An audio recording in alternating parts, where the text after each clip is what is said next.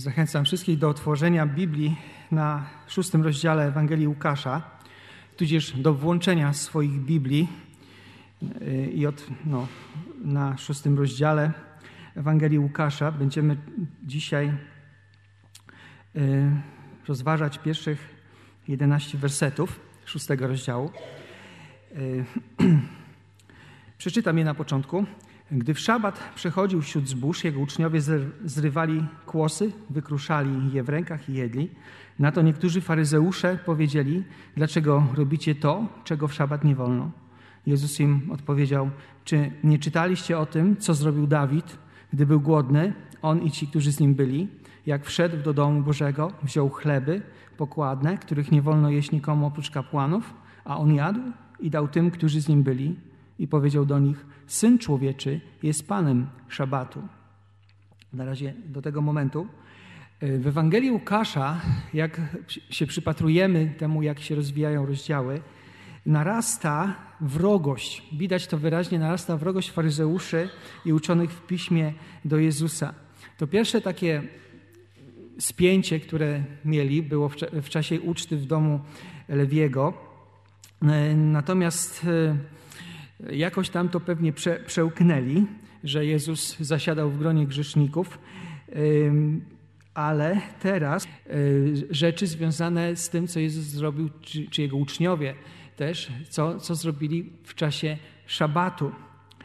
I e, w jednym wydarzeniu, tutaj, które właśnie przeczytałem, Jezus broni swoich uczniów przed oskarżeniami, że robią to, czego nie wolno robić w szabat, a w drugim, jeszcze będziemy to czytać, a czytaliśmy wcześniej, y, sam Jezus jest oskarżony o to, że złamał szabat, uzdrawiając człowieka, który miał bezwładną rękę. Y, złamanie szabatu dla faryzeuszy było bardzo ciężkim przestępstwem natury religijnej, y, wystąpieniem człowiek, który łamał szabat, występował przeciwko jednemu z najważniejszych składników czy wyznaczników ich e, religijności. I e, fragment też ten wskazuje, tutaj jest dopiero tego początek, ale wskazuje na to też, na postawę faryzeuszy, którzy bardzo byli zawzięci i bardzo byli gotowi do tego, żeby bronić swoich przekonań związanych z szabatem, co w, tym, w czasie szabatu można robić, czego, czego nie można. I zanim pójdziemy dalej, trzeba wiedzieć, że Mojżesz dał Izraelitom prawo. E, jedną z takich najważniejszych części prawa, szczególnie taką, e, taką celebrowaną, to były tablice kamienne, na których, e, na których na pierwszych tablicach sam Bóg jest powiedziane w księgach mojżeszowych, wyrył swoją palcem e, słowa, które, które chciałby Izraelici przestrzegali. To było tak zwane dziesięć przykazań. I czwarte przykazanie, Marta, możesz to wyświetlić, Czwarte, nie trzecie przykazanie, tak jakby chciał Kościół ewangel nie ewangelicki, tylko katolicki, e, dotyczy szabatu. I czytamy tam tak: Pamiętaj o dniu szabatu, aby go uświęcić. Będziesz pracował przez sześć dni wykonywał wszystkie swoje prace, ale siódmy dzień jest szabatem dla Pana, Twego Boga. Nie będziesz wykonywał żadnej pracy, ani ty, ani twój syn, ani twoja córka, ani twój sługa, ani twoja służebnica, ani twoje bydło, ani przybysz, który przebywa w twoim domu, gdyż w ciągu sześciu dni Bóg uczynił niebo, ziemię, morze i wszystko, co w nich jest. Ale siódmego dnia odpoczął. Dlatego Pan pobłogosławił dzień szabatu i go poświęcił. Czytamy też w innym miejscu, generalnie w Starym Testamencie u proroków i w prawie Mojżesza można znaleźć bardzo wiele fragmentów związanych z szabatem, ale to przykazanie jest takim fundamentem i też y, na przykład w Księdze Wyjścia w 31 rozdziale, to też możesz y, jest zapisane, że szabat miał być wiecznym postanowieniem. To jest tam użyte słowo leolam, które najczęściej się tłumaczy jako na wieki. I, I, czytamy tam tak, 31 rozdział, 16 werset. Izraelici będą więc przestrzegać szabatu, zachowując szabat w swoich pokoleniach jako wieczne przymierze.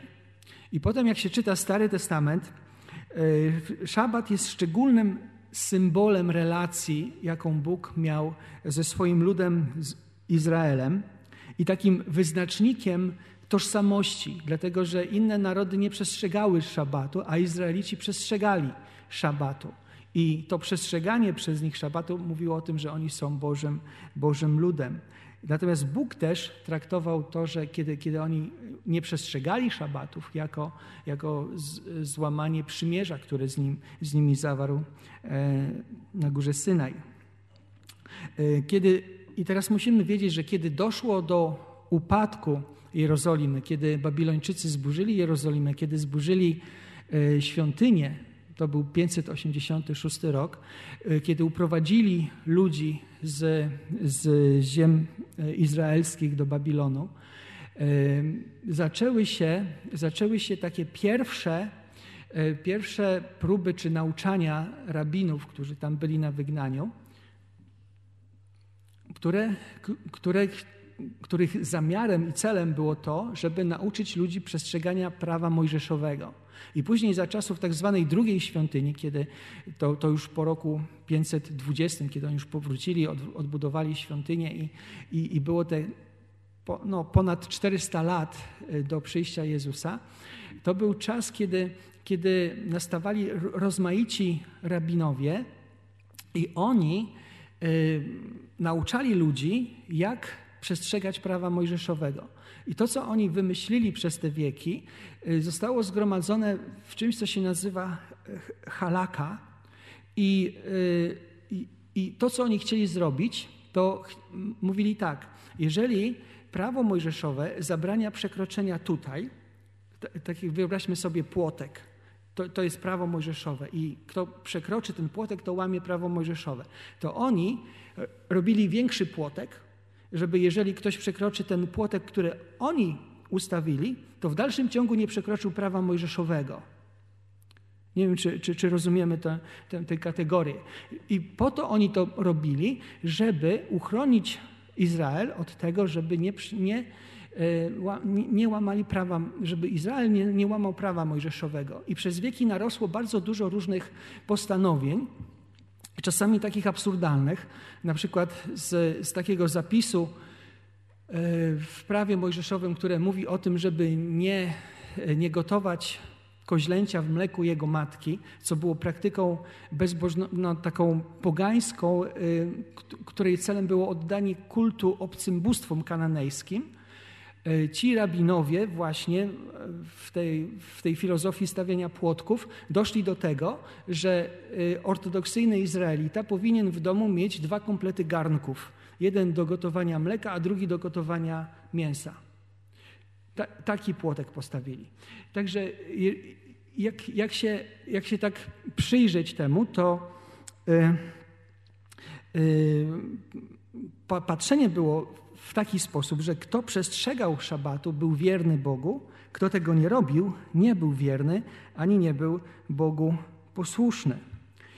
Y, I do czasu, kiedy Jezus się pojawił, właśnie tych płotków rabinowie nastawiali bardzo dużo i na przykład to przykazanie y, o tym, żeby nic nie robić, czy, czy, czy, czy, czy nie przekraczać szabatu, miało na przykład taką regulację, że w ciągu, że w czasie szabatu można było zrobić, można było pokonać odległość 2000 kubitów. Co to takiego jest? To jest około 915 metrów.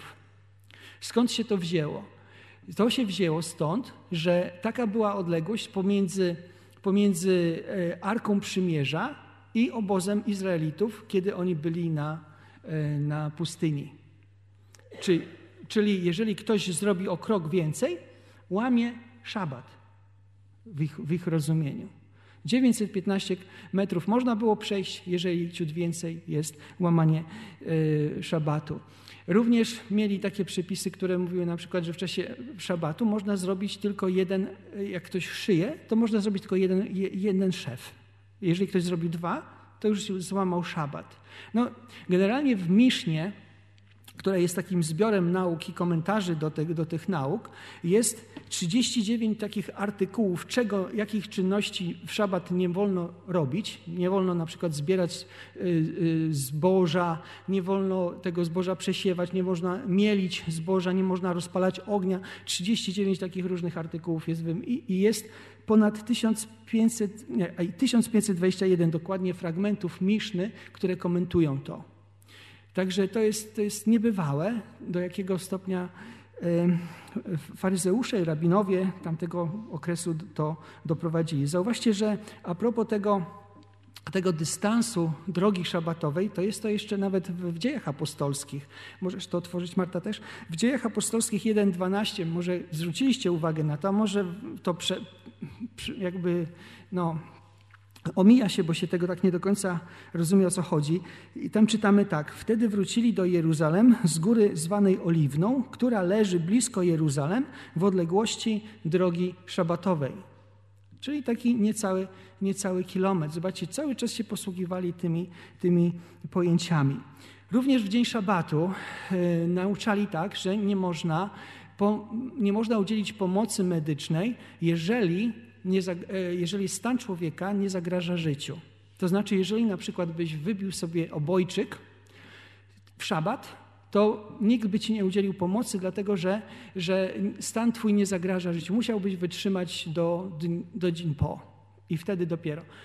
No, I na przykład dwóch rabinów za czasów Jezusa, rabi Szamaj, który żył w latach między 50 przed naszą erą i 30 naszej ery, rabi Szamaj nie pozwalał na przykład modlić się o chorych w dzień szabatu.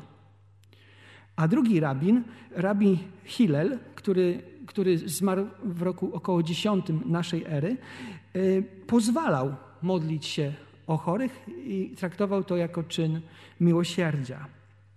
Zauważcie, że, że nawet dzisiaj, ci z Was, którzy może byliście na wycieczkach w Izraelu, to widzieliście, ja tylko tak z opowiadań, że, że w hotelach e, w Izraelu są windy szabatowe, które się, je, które się zatrzymują na każdym piętrze, po to, żeby w szabat człowiek, który jedzie windą, nie musiał wykonać e, pracy polegającej na naciśnięciu guzika w windzie. Także e, mają taki zwyczaj. Czytałem taką książkę, że Kobieta z Polski, która wyjechała do, y, do Izraela, y, któregoś właśnie szabatu sąsiadka poprosiła ją do domu, zaprosiła ją do domu po to, żeby ona rozpaliła jej ogień w kuchence gazowej, bo ona chciała sobie zagotować herbatę. Bo według przepisów ortodoksyjnych nie można rozpalać ognia w szabat, a więc nie można y, ukręcić kurka, żeby, żeby w kuchence gazowej no, rozpalić ogień. Tak? No i takie, tak, takich absurdów jest dużo. Moglibyśmy spędzić dużo czasu na tym, ale to trochę szkoda właśnie czasu. I Iniowie szli i, i jedli te, te ziarna, skubali i jedli te ziarna, to złamali najprawdopodobniej więcej niż jeden z takich e, żydowskich przykazów, bo możliwe, że, że zrobili więcej kroków, no ale też e, zbierali te zboże, czyli złamali zakaz e, zbierania plonów, przesiewali to zboże tak, i jeszcze mielili zębami, tak, bo to wszystko podlegało pod te, pod te paragrafy. Dlatego tutaj e, faryzeusze nim to zarzucają. I, e, i teraz, kiedy tak, taką dygresję chciałbym zrobić. Właśnie a propos nas, chrześcijan, którzy dzisiaj żyjemy i naszego patrzenia na szabat. W jaki sposób my dzisiaj patrzymy na szabat, może jak, jak, jak powinniśmy i, i, i jakie, jakie są trendy w chrześcijaństwie patrzenia na, na, na szabat. Bo, bo, bo, bo jest tak, że jest, e, cały czas trwa debata i ona potrafi być bardzo taka burzliwa, bardzo burzliwa w kręgach chrześcijańskich. Jedni chcą na przykład zrównać e, niedzielę z szabatem. To znaczy, że niedziela to jest taki szabat, tylko że w niedzielę i obowiązują wszystkie, e, wszystkie rzeczy takie, które obowiązywały Żydów w czasie szabatu, to teraz chrześcijan obowiązują, ale, ale w niedzielę. Taki, taki pogląd by był popularny szczególnie w, w czasach w XVIII wieku. E, Purytanie mieli taki, taki pogląd. E, inni z kolei mówią, że że chrześcijanie dzisiaj nie powinni obchodzić niedzieli, tylko powinni obchodzić y, sobotę jako taki dzień, kiedy się spotykają, kiedy, kiedy, y, kiedy wielbią Boga, bo Bóg powiedział, że siódmy dzień jest świętym dniem i ten siódmy dzień ma być święcony i y, wynika to z tego, że wynika to z porządku stworzenia, to jest taki pierwszy, pierwszy argument, a drugi to jest to, że w dekalogu jest to przykazanie i te, i te przykazania nie zostały odwołane.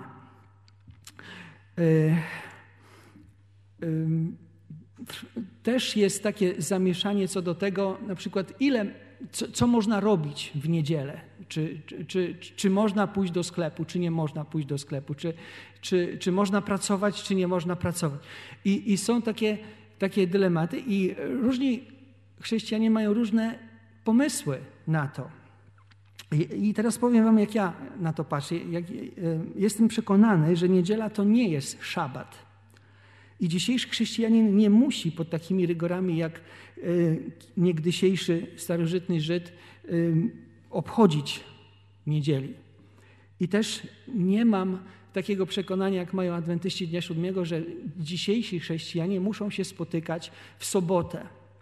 Dlaczego? Bo jestem świadomy argumentów, które, które oni prezentują. I to, co trzeba nam wiedzieć, to y, argumenty, które prezentują właśnie ludzie, którzy, no adwentyści Dnia Siódmego, ale też inni ludzie, którzy, którzy w tym kierunku idą, one pochodzą z jednego źródła właściwie. W roku 1977 y, człowiek, który się nazywał Samuel, przepraszam, nie wiem, czy dobrze wymówię, Baciocci, takie włoskie nazwisko, ale e, możesz wyświetlić te, te, dwie książki. On napisał, e, napisał swoją pracę doktorską na jednym z katolickich uniwersytetów. E, on był sam adwentystą dnia siódmego i jego praca doktorska to była od sabatu do niedzieli. Taki tytuł. No i potem taka historyczna, historyczne dochodzenie, jak to się stało, że, że, że chrześcijanie świętują niedzielę. I, I w tej swojej pracy powiązał historię przejęcia niedzieli e, przez chrześcijan z kultem słońca w Rzymie. Miało to miejsce w latach około, za, za, czasów, kiedy cesarzem był Hadrian, rok 100, lata między 117 a 135 i wtedy były nastroje antyżydowskie w Rzymie. W związku z tym chrześcijanie nie chcieli, żeby Rzymianie i cesarstwo kojarzyło chrześcijan z Żydami, więc zaczęli spotykać się w inny dzień. I tym dniem, który się zaczęli spotykać, to był właśnie dzień słońca, którym dla Rzymian była po prostu nasza dzisiejsza niedziela. Nawet angielskie słowo Sunday to jest dzień słońca. I, i teraz. Yy, yy, on sam, ten, ten, ten y, Samuel Baciocci, był, był przeciwnikiem na przykład również obchodzenia świąt chrześcijańskich. Czyli nie obchodził ani Wielkanocy, ani Bożego Narodzenia, dlatego że uważał, że te święta zostały adoptowane z pogaństwa. Takie mm, Rzymianie obchodzili swoje święta, a, a chrześcijanie adoptowali te, te święta i nazwali chrześcijańskimi. Jego książka zdobyła bardzo szeroki, e, taką, jakby bardzo wielu ludzi to przeczytało, bardzo wielu różnych kapłanów z różnych kościołów ją przeczytało. I pogląd jego bardzo się rozpowszechnił. Bardzo się rozpowszechnił. I w związku z tym bardzo wielu też ludzi przyjęło właśnie te poglądy. Przyjęło te poglądy i powtarzają jego argumenty, które on podał w tej swojej pracy doktorskiej, która potem została opublikowana jako książka. I na przykład on mówił coś takiego, że jeżeli, jeżeli że właściwe obchodzenie Bożego Świętego Dnia odzwierciedla zdrową relację z Bogiem. Jednocześnie nieposzanowanie tego świadczy o duchowym upadku lub nawet śmierci.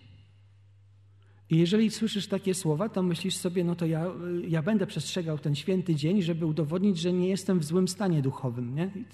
I taka jest reakcja. No i, y, no i, tak, i, i, i tak to trwało. Mijał czas i w roku 1999 grupa biblistów y, pod y, redakcją Dona Carsona opublikowała inną książkę. Inną książkę to jest zbiór esejów, które, których właśnie, któremu nadano tytuł Od sabatu do Dnia Pana. Tam jest wkładka, nie wiem czy ją widać. Możesz powiększyć ją? Czy nie? I, te, te, I właśnie w tej książce e, ci bibliści, kupiłem tę książkę, poczytałem ją i e, naprawdę przedstawili bardzo gruntowne przebadanie sprawy z takiej historycznej, biblijnej, teologicznej perspektywy, jak, jak dzisiaj należy patrzeć na, na, e, na sabat. I i pokazali też pewne słabości tej pracy doktorskiej tego, tego, tego człowieka, Bociociego. I jakby pokazując te wszystkie argumenty, które on pokazywał, oni, oni odpowiadali, analizując Boże Słowo. I na przykład E, e, jakby z takiej, z takiej szerszej perspektywy. I, I, jeżeli chodzi o na przykład o to, że sabat jest porządkiem stworzenia, no bo siódmy dzień i tak dalej, można by powiedzieć ok, natomiast zmartwychwstanie jest początkiem nowego stworzenia. I zmartwychwstanie Chrystusa jest wydarzeniem, które redefiniuje stworzenie. Je, jest, jest tak znaczące, że po prostu tworzy na nowo. I tak jak wtedy siódmy dzień był dniem odpoczynku, to teraz w nowym stworzeniu pierwszy dzień nowego stworzenia jest dniem, dniem odpoczynku. E, na przykład, jeżeli chodzi o to, że e, przykazania będą trwały na wieki, to, to słowo Leolam na wieki, ono też ma takie niuanse, że będzie trwało tylko do, do, tak, do takiego momentu, którego nie widać. I rzeczywiście są inne rzeczy w Piśmie Świętym, które są powiedziane, że ma trwać to na wieki, wcale na wieki nie trwają. Świątynia też już nie, nie działa, ani chleby pokładane nie są, nie są, nie trwa to na wieki i tak dalej. I nowe przymierze z kolei, które zostało zawarte e, i przypieczętowane krwią Jezusa Chrystusa, jest przymierzem, E, które zastąpiło, czy, czy zastąpiło Stare Przymierze w, takim, w taki sposób, że e, Stare Przymierze zostało wypełnione. To znaczy, jego cel, dla którego zostało dane, został spełniony.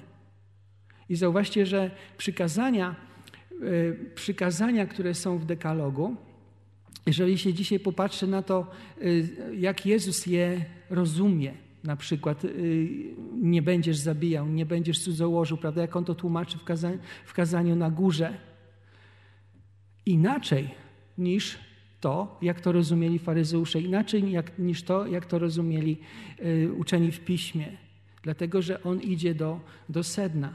I dzisiaj, y, kiedy jesteśmy w trakcie realizacji tego nowego przymierza, jest mowa w Piśmie Świętym o tym, że prawo moje wypiszę w ich sercach.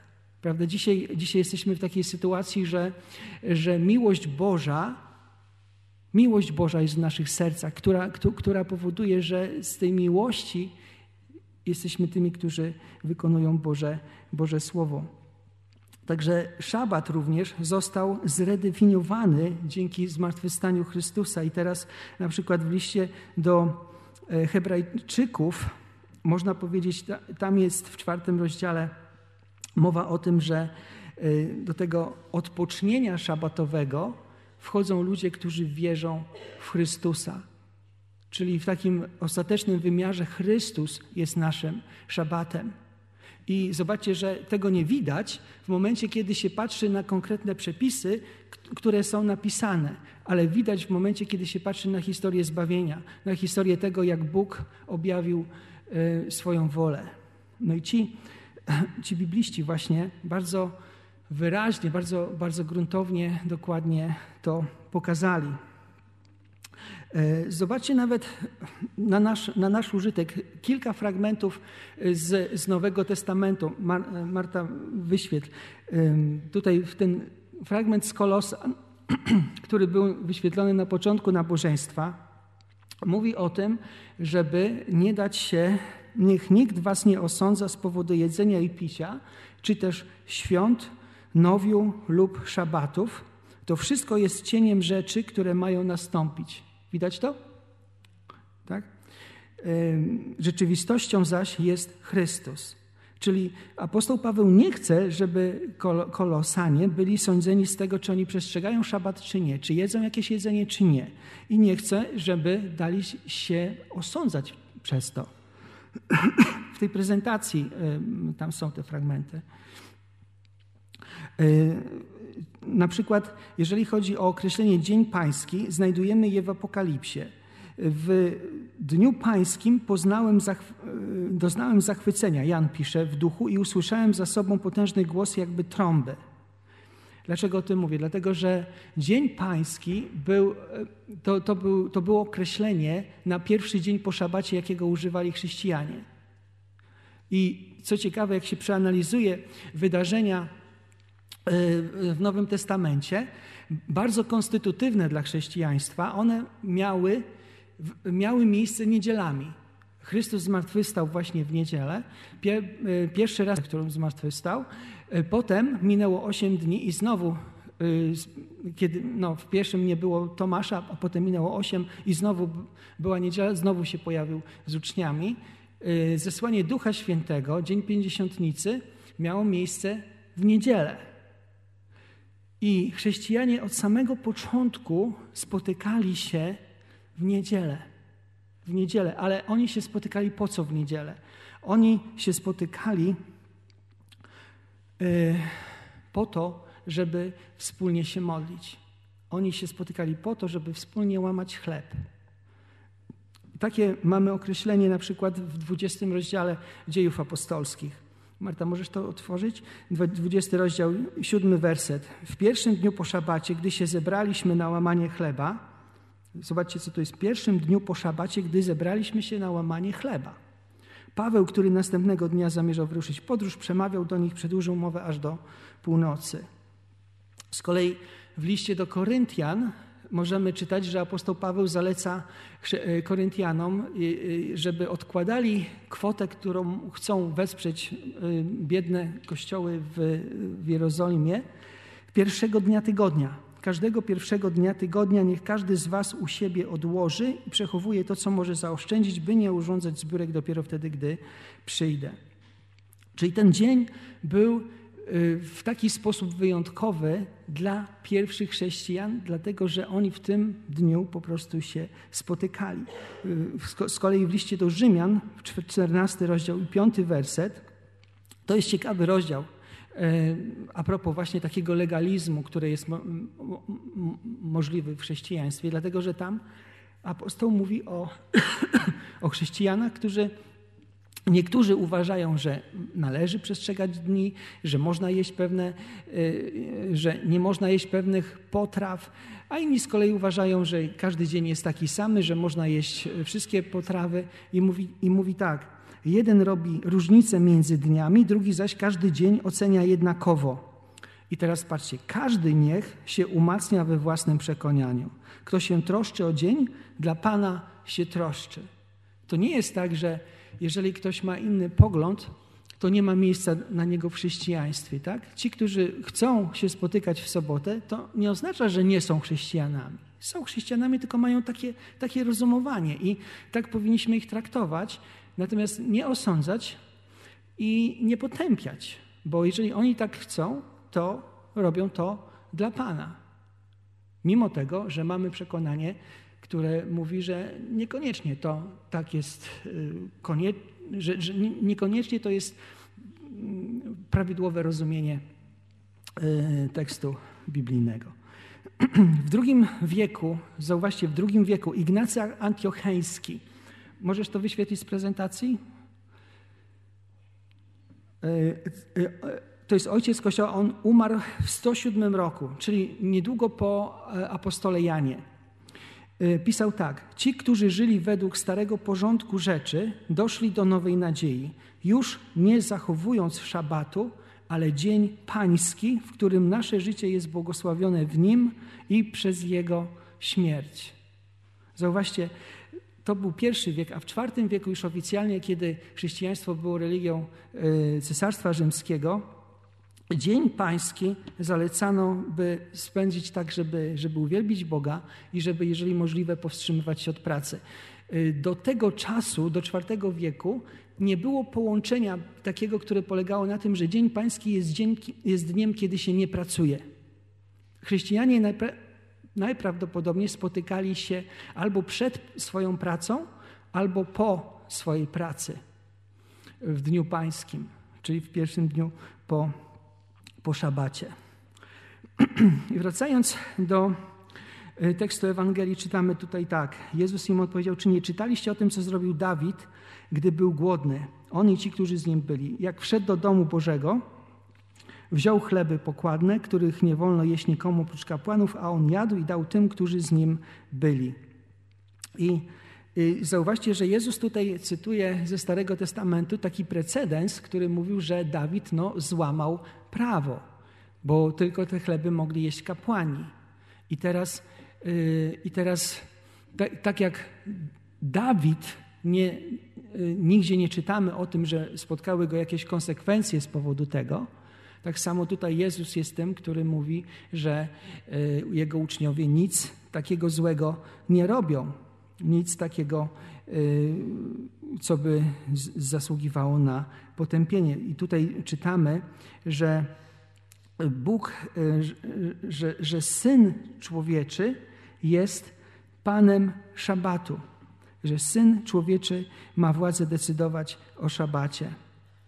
Y, z kolei, kiedy czytamy ten fragment w Ewangelii Marka, tam jest jeszcze jedno zdanie, to, że szabat został ustanowiony dla człowieka, a nie człowiek dla szabatu. Czyli, że szabat miał być błogosławieństwem dla człowieka, czasem wytchnienia, radości, natomiast Żydzi uczynili z niego taki czas dużego ciężaru, takich ograniczeń, nakazów, zakazów, których trzeba przestrzegać i zamiast radości częściej było poczucie winy z powodu tego, że się ten szabat złamało. Z kolei to stwierdzenie, zauważcie, że Syn Człowieczy jest Panem Szabatu, też może nam umknąć jego znaczenie. Ale kto Izraelitom nadał szabat? Bóg nadał szabat. A więc Bóg jest tym, który decyduje o szabacie. I w tym momencie, teraz, kiedy Jezus mówi, że Syn Człowieczy jest Panem szabatu, to On im mówi, że On jest Bogiem. Że On jest Bogiem. Tak jak wcześniej, pamiętacie, y, była sytuacja, kiedy leczył paralityka i powiedział, że Syn Człowieczy ma prawo odpuszczać grzechy na ziemi. Prawda? To tutaj mamy, że Syn Człowieczy jest Panem Szabatu. On im powiedział, że On ma władzę taką, jaką ma Bóg nad Szabatem. Oczywiście y, podejrzewamy, że y, y, faryzeusze byli wzburzeni, natomiast nie mamy tutaj zapisanej reakcji faryzeuszy. I teraz, gdy przejdziemy do tej, tego fragmentu uzdrowienia człowieka z bezładną ręką, to y, ten fragment jest obecny w innych Ewangeliach. I tam, na przykład w Ewangelii Marka i Mateusza, y, y, mamy takie dodatkowe informacje. W Ewangelii Marka dowiadujemy się, że kiedy Jezus zadał pytanie, nikt nie odpowiedział, oni milczeli. I że, że Jezus spojrzał na nich z gniewem i zasmucony zatwardziałością ich serca. E, a na końcu Marek pisze, że faryzeusze wprost naradzali się ze zwolennikami Heroda, jakby mogli zgładzić Jezusa. E, z kolei w Ewangelii Mateusza e, mówimy, czytamy tak, że Jezus mówi, że każdy z nich w szabat wyciągnąłby swoją owcę, gdyby wpadła do dołu i że człowiek jest dużo ważniejszy niż owca. Czy w szabat zatem wolno czynić dobro czy zło? Faryzeusze nie chcieli mu pozwolić uzdrowić człowieka w szabat. I to jest taka ilustracja, jak bardzo zaślepione jest ludzkie serce. Zauważcie, yy, oni nie chcieli pozwolić na uzdrowienie w szabat, a w szabat naradzali się ze zwolennikami Heroda, jakby tu zabić człowieka. Czyli naradzanie się i Y, nad, nad taką kwestią, jakby tu zabić kogoś, jest dozwolone w szabat, a uzdrowić, zbawić kogoś dla nich nie było. To jest zatwardziałość ludzkiego serca, zatwardziałość ich serc.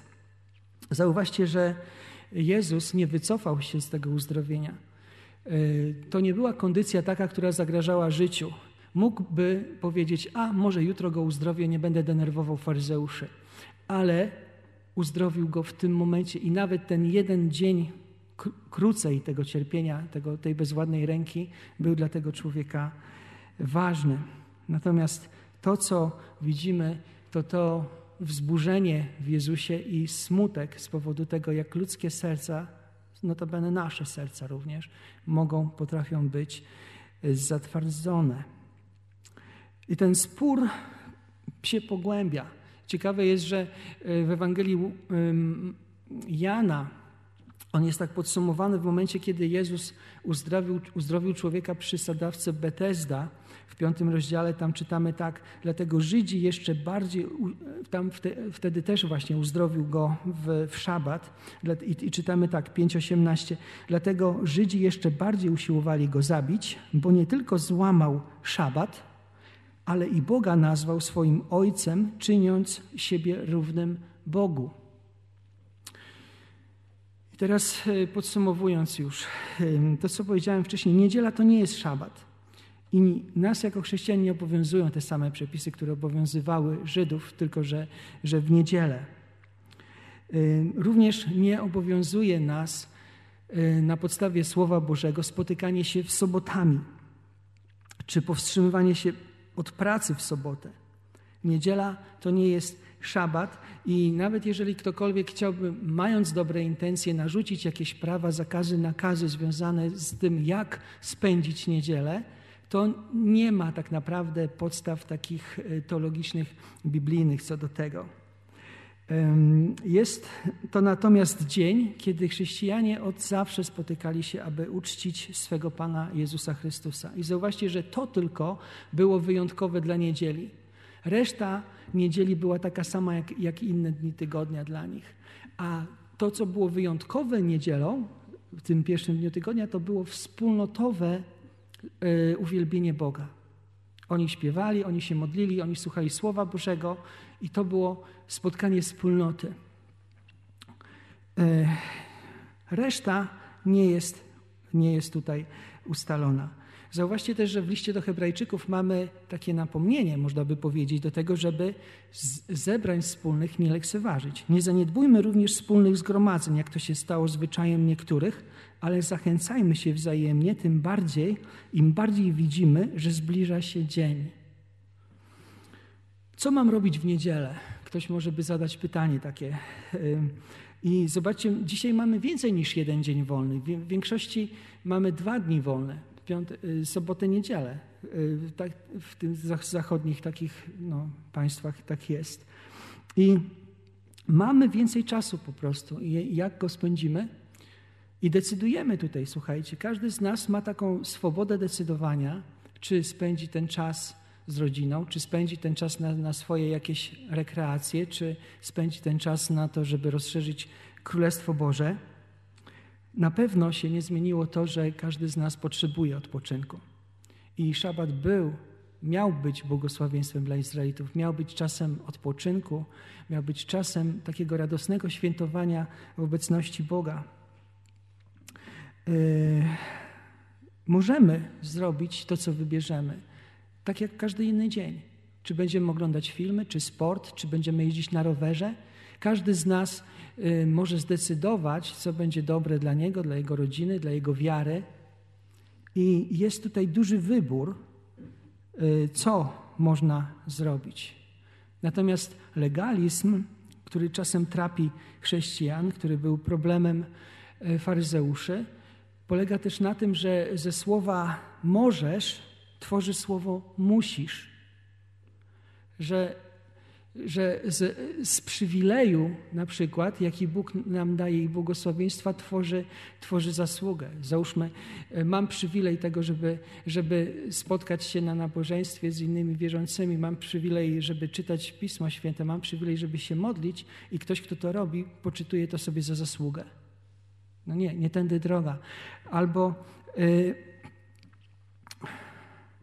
zobaczcie, że w, w Polsce też mamy taką historię, taką no ja słuchałem, słuchałem ludzi, którzy, którzy się otarli o, o tego rodzaju y, postawy w protestanckich kościołach, że y, wyłączali na przykład, to, to nawet Włodek Tasak mówił, że wyłączali, tylko nie pamiętam w których latach, chyba w 50. czy 60. latach wyłączali z kościoła za kinomaństwo, za, za chodzenie do kina że, y, że na przykład światową rzeczą było to, jeżeli niektóre kościoły tak myślały, nie? Że, że jeżeli małżonkowie biorą ślub i nakładają obrączki, no to to już strojenie się jest i to jest światowością.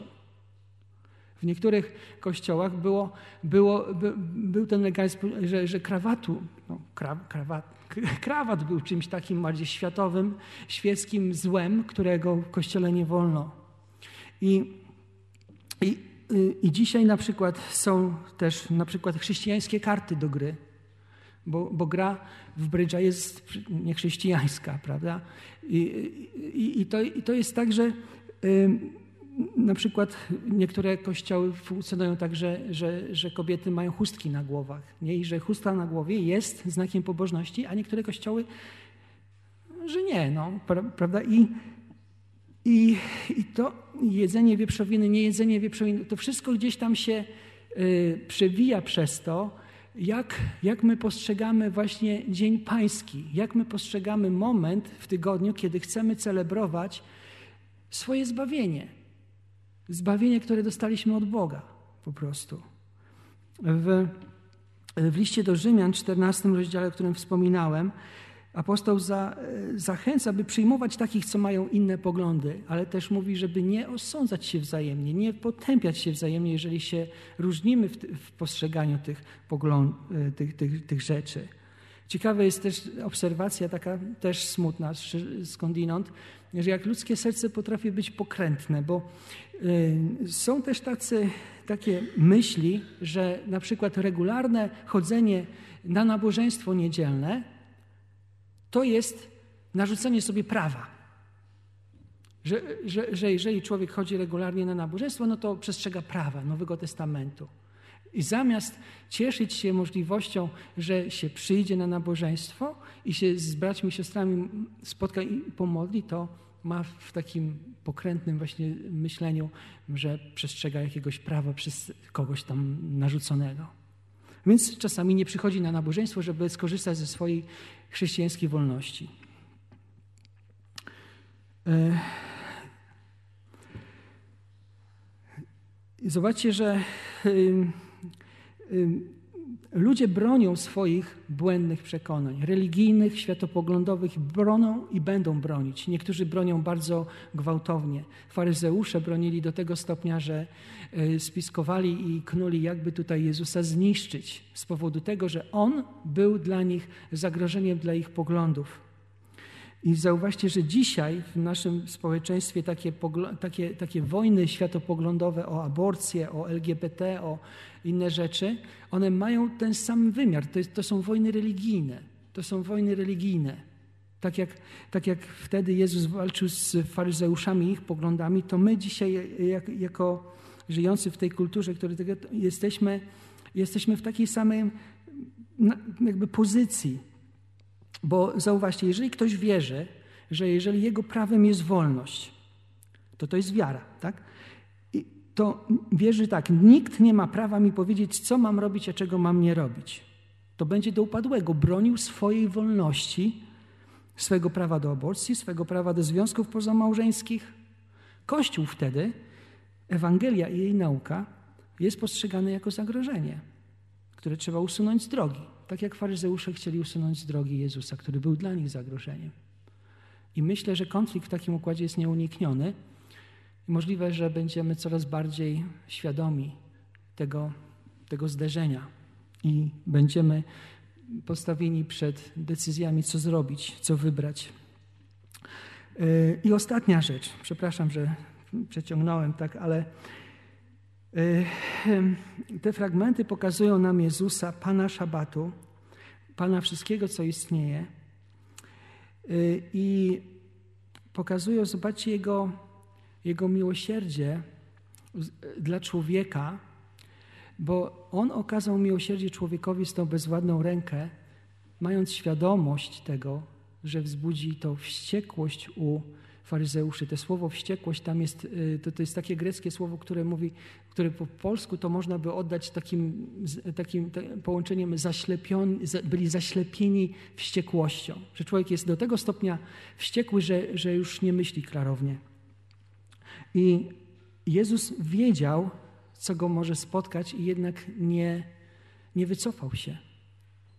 Zrobił to, co słuszne, nie bał się ich reakcji, nie, nie bał się też konsekwencji tych, które na niego spadną. Ja myślę sobie, że to jest ogromne, ogromne, nie wiem, przykład, zachęta, czy, czy, czy jakiegoś rodzaju taki obraz dla każdego z nas. Co zrobić w momencie presji, w momencie negatywnych konsekwencji dla samego siebie? Jezus nie bał się wejść z nimi w konflikt. Może my też czasem nie powinniśmy się bać wejść w konflikt, tylko daj nam Boże odróżnić rzeczy, o które warto walczyć, od tych, o których walczyć nie warto. Postańmy teraz, by się modlić.